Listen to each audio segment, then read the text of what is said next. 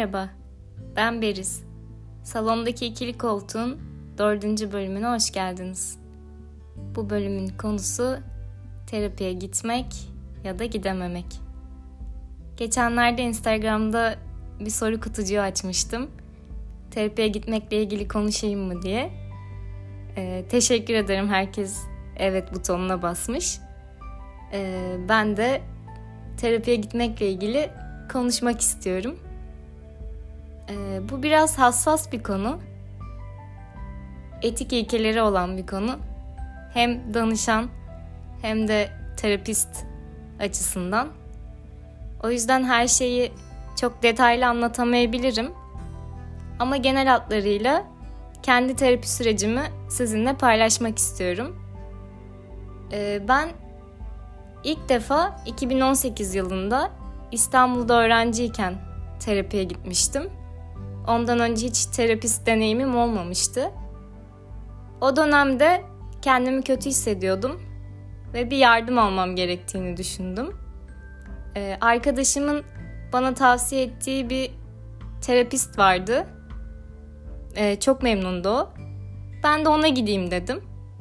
Hmm, İstanbul'da bir terapistle görüşmeye başladım o dönem. Çok uzun süre gidemedim. Daha sonra mezun olup İzmir'e dönünce terapi sürecim de bitmiş oldu. Ama gittiğim süreç boyunca gerçekten faydasını gördüm. Ve keşke bundan önce gitseymişim dedim kendi kendime. Çünkü 2018 yılında hem terapi ücretleri bu kadar pahalı değildi. Daha kolay karşılanabilir bir durumdaydı. Hem de ne kadar erken başlanırsa bence o kadar iyi. Çünkü terapiye gitmek farkındalığı gerçekten arttırıyor. Kendimize dair farkındalığımızı arttırdığını düşünüyorum terapiye gitmenin. Dediğim gibi ilk 2018 yılında gitmiştim. Ve e, sanırım yani çok bilmiyorum detaylı ama bilişsel davranışçı terapi uyguluyordu terapistim. Daha sonra biraz bu konularda bilgi sahibi olduktan sonra farklı terapi yöntemlerinin olduğunu öğrendim. İşte bilişsel davranışçı terapi var, EMDR terapisi var, hipnoz terapisi var, psikanaliz var. Birçok farklı teknik var. Ee, her tekniğinde gidişatı farklı. Ama ortak e, özellikleri sizi kendinizle buluşturmak. Kendinize dair daha önce hiç fark etmediğiniz şeyleri fark etmenize yardımcı olmak. Yani Türkiye'de çoğunlukla terapiye gitmek böyle uzak durulan bir konu. Ve yeni yeni aslında insanlar bu e, şeyi kırmaya başladılar. Öncesinde çok duyuyordum yani terapiye gitmek sanki delilik gibi hani deli miyim ben neden gideyim terapiye ya da ben gideceğime işte benim sinirimi bozanlar gitsin denildiğini çok duydum. Yani bizim yaş grubumuzda çok yok ama e, bizden bir iki kuşak öncesi bu konuya oldukça mesafeli. O da anlaşılabilir bir şey çünkü e, eskiden bu kadar terapiye gitmenin önemi bu kadar fark edilmemişti. Yavaş yavaş fark ediliyor bence ve bu kadar ulaşılabilir de değildi. E şimdi online yapılabiliyor, yüz yüze yapılabiliyor. Yani günümüzde daha çok psikolojiye olan merak arttı bence. Hem yaşam koşulları hem de bence en önemli tetikleyici pandemi oldu. Çünkü pandemide hepimizin psikolojisi ve beyin kimyası e, bozuldu demeyeyim ama e, biraz darbe almış olabilir. Çünkü gerçekten daha önce hiç deneyimlemediğimiz bir şeyi deneyimledik. Yani pandemi diye bir şeyi belki sadece bir yerlerde okumuştuk ya da duymuştuk. Ama o süreci yaşıyor olmak gerçekten çok farklı bir deneyimdi. Ve çok büyük bir korku yarattı hepimizde. Haklı olarak bence. Çünkü bilmediğimiz bir şey. Daha önce hiç yaşamadığımız bir şeydi. O yüzden bence pandemi bu konuda e, bir kırılma noktası oldu diyebilirim. Ve onun dışında da tabii ki de günümüz dünyasının e, stresi çok hızlı yaşıyoruz. Yani eski insanların yaşam stillerine göre biz çok hızlı bir dünyada yaşıyoruz. Ve bir kaos ortamında yaşıyoruz aslında. Her alanda bir kaos var. O yüzden kendi içimizde de bir kaos oluşmaya başladı. Ee, ne diyordum? 2018'de başlamıştım terapiye. Ve o dönem gerçekten çok uzun süre gidemesem de çok iyi bir şey olduğunu fark ettim. Yani herkesin, her insanın mutlaka gitmesi gerektiğini düşündüm. O zamana kadar canımı sıkan durumları sadece ailemle belki, belki arkadaşlarımla paylaşabiliyordum. Kendimle ilgili fark edemediğim birçok şeyi terapi sayesinde fark ettim. Bazı davranışlarımı rahatsız edici buluyordum kendimde ya da bazı düşüncelerimi, bazı tepkilerimi. Daha sonra onların sebeplerini fark etmeye başladım. Yani aslında o davranışı yapmamın sebebi ya da o hissi hissetmemin sebebi bir şeye bağlıydı. Yani boş yere hiç yoktan ortaya çıkmış bir şey değildi. Ee, velhasıl kelam 2018'den sonra uzun süre gitmedim terapiye. Daha sonra anksiyetem başladığında e, bir psikiyatristle görüşmeye başladım. İlaç kullanmaya başlamıştım. 2021 Ocak ayı gibiydi. E, ilaç kullanmaya başladığım için bir psikiyatrist eşliğinde görüşmeler yaparak hani ilacımla ilgili konuşuyorduk. İlk başladığım psikiyatrist konuşmuyordu aslında. Sadece hani ilacı veriyordu ve işte ilaç üzerine konuşuyorduk. Sonra şans eseri yani şanstı bence. E, doktorun başka bir yere tayin olunca ben de başka bir doktor araştırdım. Hmm, başka bir lokasyonda yeni bir doktorla görüşmeye başladım. Hatta ilk görüşmemizde bana anksiyetenin neden olduğunu, e, beyinde nasıl e, bir mekanizma olarak ortaya çıktığını hem kimyasal, yani nörokimyasal bilmiyorum çok da şey uzman değilim ama hem beyin kimyası olarak hem de düşünce şeklimiz olarak anksiyeteyi nelerin tetiklediğini, nasıl ortaya çıktığını konuşmuştuk. Hatta böyle bir kara tahtası vardı. Kara mıydı, beyaz mıydı bilmiyorum. Yeni tahtalardan da olabilir. Bana böyle çizerek falan anlatmıştı. E, çok hoşuma gitmişti çünkü önceki doktorum hani asla böyle bir şey konuşmamıştı benimle. E, işte böyle bir rahatsızlığım var, böyle böyle şeyler yaşıyorum. Tamam hani sana ilaç verelim, okey bu kadar. Ama birinin bana yaşadığım şeyin normal bir şey olduğunu ve insani bir şey olduğunu hem biyolojik hem de psikolojik olarak insani bir şey olduğunu anlatması beni çok rahatlatmıştı ve anlaşıldığımı hissetmiştim. Sonra uzun bir süre o psikiyatristle görüşmeye devam ettim. İlacımı da kullandığım için o dönemde. Ee, ama bir yerden sonra e, her şey sanki böyle aynı gidiyormuş gibi ve o kısa görüşmeler bana çok da fayda sağlamıyormuş gibi artık hissetmeye başladım. Yani yüzeysel kalıyordu. Elbette bir psikolog gibi oturup derinlemesine konuşamıyorduk. Hem görüş görüşme görüş saati hem görüşme süreleri çok uzun olmadığı için yani gün içerisinde birçok hastaya bakmak zorunda oldukları için onu da anlıyorum. E, hem de bir psikolog olmadığı için e, görüşmelerimiz bana çok böyle derinlemesine işlememeye başlamıştı. Daha sonra psikiyatristimle görüşmeyi de bıraktım. E, bir süre ne terapi ne de psikiyatri hiçbir alanda kimseyle görüşmedim. O sırada kitaplar okudum tabii hani anksiyeteyle ilgili, kaygıyla ilgili neden oluyor, e, neler tetikliyor ya da bununla nasıl başa çıkılır. Kitaplar okudum bununla ilgili. Ama tabii kitaplar da hani çok derinlemesine işleyemiyor. Bence bir yol gösterici ihtiyacı var insanın. Yani nasıl atıyorum işte üniversite sınavına hazırlanacağınız zaman kendinizin oturup bir test kitabını çözmesiyle ya da bir işte ders anlatımlı bir kitap okuyup yapmasıyla bir hocadan ders alması çok farklı. Çünkü o işin uzmanı oluyor ve size daha iyi yol gösterebiliyor.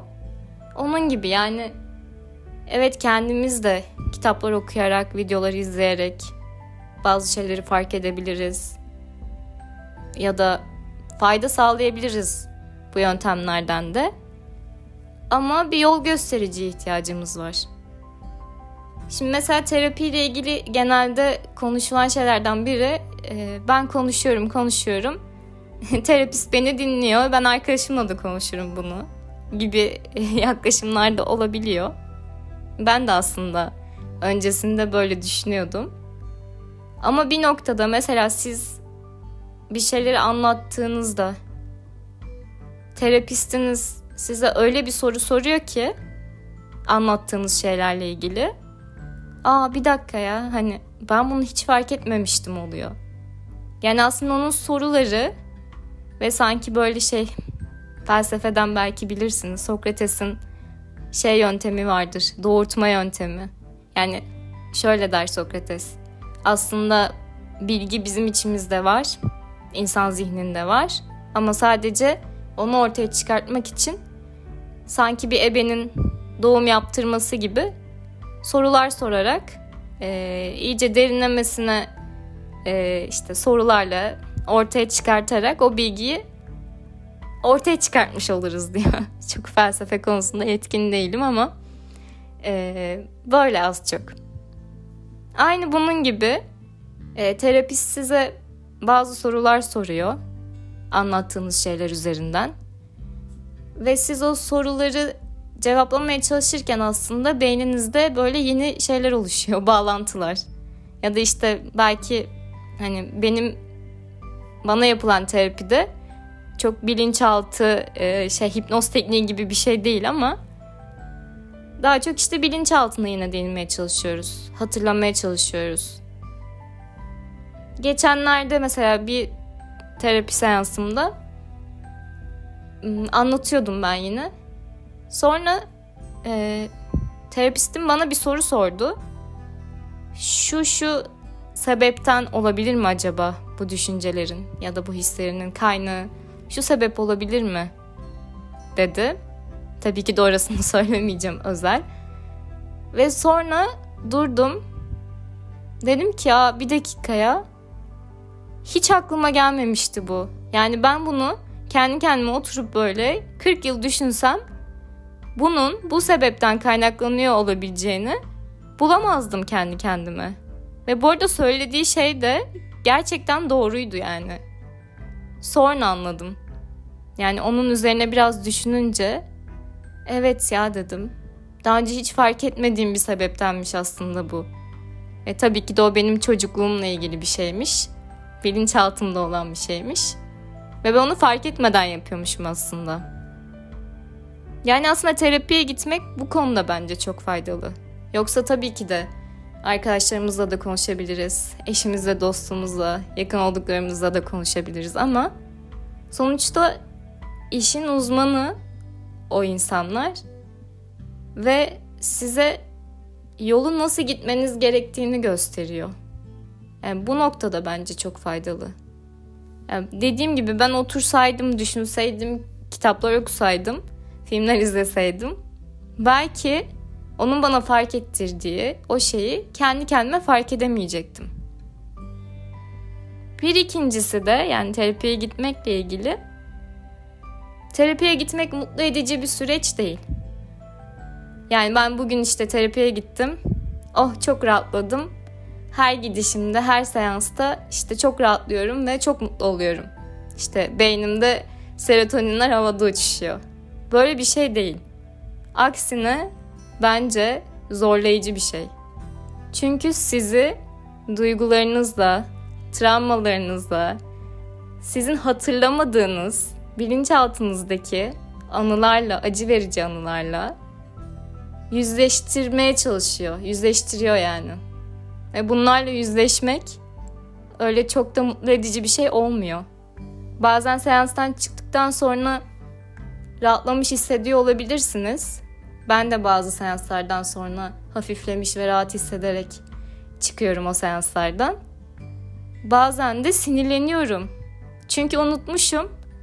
Unuttuğum bir şey aklıma getirmiş. Yani benim bile hatırlamadığım bir anıyı, benim bile hatırlamadığım canımı sıkan bir olayı aklıma getirmiş oluyor. Ama şu noktada faydalı. Fark ediyorum. Yani onu konuşmasaydım hiç onu fark edemeyecektim ve onun yarattığı o hislerle devam edecektim hayatıma. E, bir noktada o hisleri fark edince yani terapiden sonra mesela oturup günlerce o duygu üzerine de düşünebiliyorsunuz. Ee, az önce bahsettiğim o Aa, bir dakika ben bunu hiç fark etmemiştim dediğim o durumu terapiden çıktıktan sonra belki üzerine bir aydır, bir buçuk aydır düşünüyorum.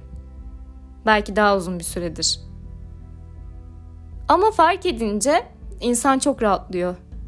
Yani bir şeyin çözümü bence o şeyi fark etmekte yatıyor. Yani sadece fark edince tamam her şey düzeldi, fark ettim ve işte şimdi bundan sonra artık bir daha hiç böyle hissetmeyeceğim olmuyor ama sanki o şey o bir düğüm gibi orada çözülmüş oluyor. Bu arada bir ara vereceğim, su içeceğim. Çok hızlı konuştuğum için biraz susadım.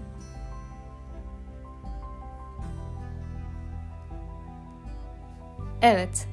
Ee, şimdi bir de terapinin e, maddi açıdan zorluklarından bahsedelim aslında.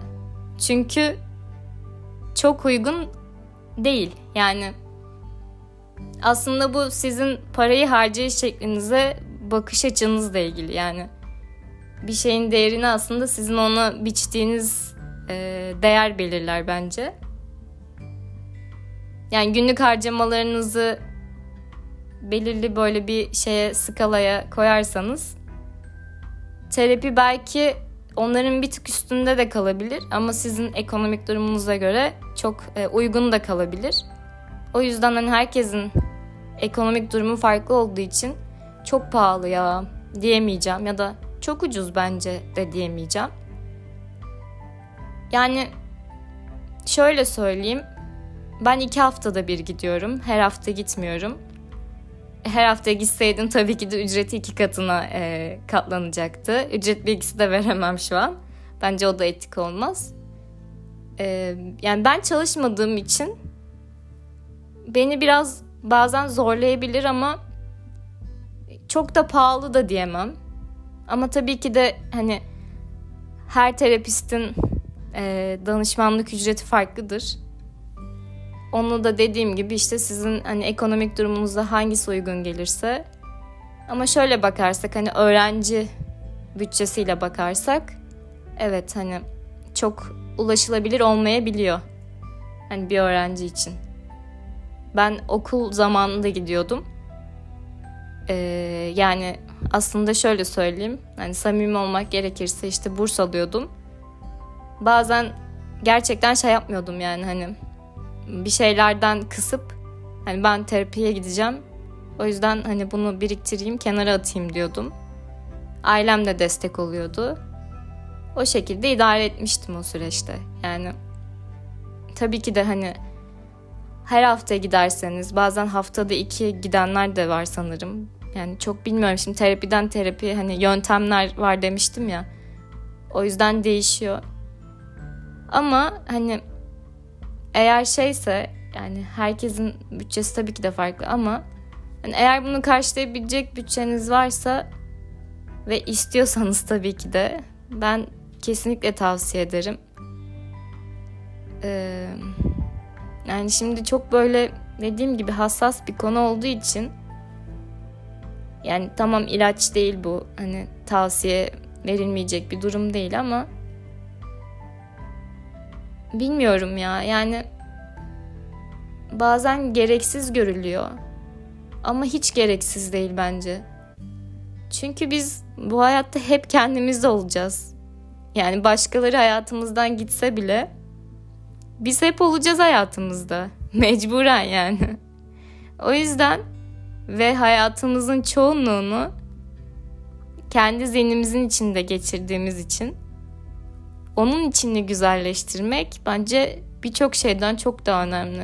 Yani pahalı bir arabaya binmekten ya da lüks kıyafetler giymekten, başka şeylerle tatmin olmaktansa o içsel huzuru bulmaya çalışmak onun için hem ekonomik anlamda hem zaman vakit anlamında onun için yatırım yapmak bence çok daha önemli. Geçenlerde terapistim bana bir soru sordu. Yani dedi ki şu an ne olsa seni çok mutlu eder. Ben de durdum düşündüm ve dedim ki hiçbir şey yani. Hani dedim ki bir milyon dolar verseler bile şu an. Tamam bir milyon dolar çok para evet biliyorum. Tabii ki de insan bir milyon dolarla mutlu olur bence. Ama işte diyelim ki çok lüks bir araba aldım. İşte çok e, mükemmel bir evim var. Evet tabii ki de beni mutlu eder böyle şeyler ya da işte dünyayı geziyorum.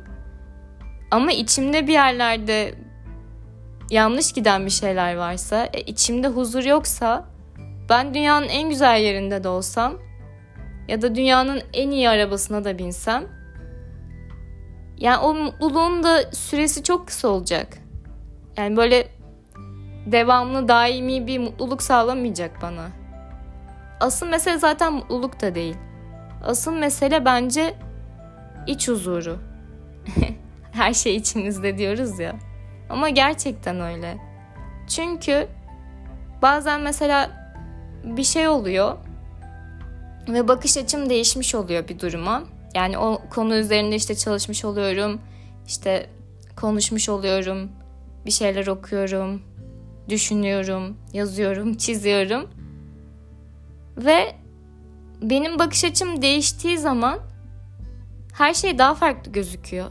Aslında olaylar aynı, durum aynı, aynı yerdeyim, aynı benim. Hayatımla ilgili hiçbir şey değişmedi. Yani maddesel olarak baktığında hani yaşadığım yer değişmedi. İşte evlenmedim, çocuk sahibi olmadım ya da işte yurt dışına gitmedim, işte lüks bir araç almadım. Harika bir işte CEO olmadım. Durum aynı, yani aynı yerdeyim.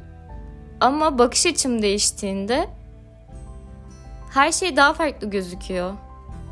O olay ya da o durum artık benim canımı sıkmıyor. Ama ne oldu ki yani hiçbir şey değişmedi aslında. Ama ben değişmiş oluyorum. Yani bakış açım değişmiş oluyor ve benim canımı sıkmıyor artık. Eskisi gibi o şeye üzülmüyorum. Eskisi gibi kafama takmıyorum. Canımı sıkmıyorum. İşte ben değişirsem dünya da değişir mottosuyla. Bence işte terapiye gitmek bunu sağlıyor. Yani sizi değiştiriyor. Değişim kötü bir anlamda değil tabii ki de.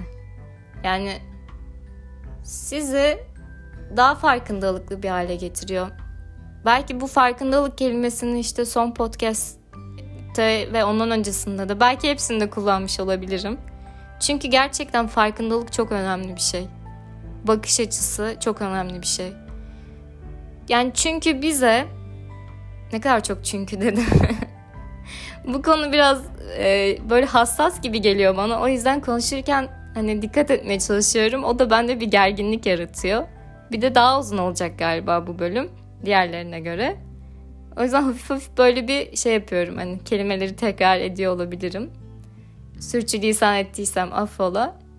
Ee, ne diyordum? ne dediğimi unuttum ya.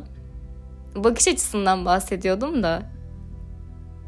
Yani bakış açımız değiştiğinde gerçekten dünya değişiyor. O far farkındalık diyordum evet. Farkındalığı kazandığımızda artık biz daha böyle bir üst versiyon oluyoruz. Hani güncelleme geliyor sanki işte Beriz e, 2023.2, 2023.3 gibi. Böyle güncellemeler geliyor, yükleniyor ve ben daha böyle bir üst versiyona çıkıyormuşum gibi. Farkındalığı kazanmak için de önce fark etmek gerekiyor. Bir şeyi biz fark edemezsek o durumu çözemeyiz zaten. Yani bir şeyin farkında olmazsak onu iyileştirmek için de hiçbir şey yapamayız. Çünkü zaten farkında değilizdir. Ama farkında olduğumuz noktada o zaman adım atabiliyoruz. Ee, ilk podcast'te belki anlatmıştım ya da ikincisinde bilmiyorum.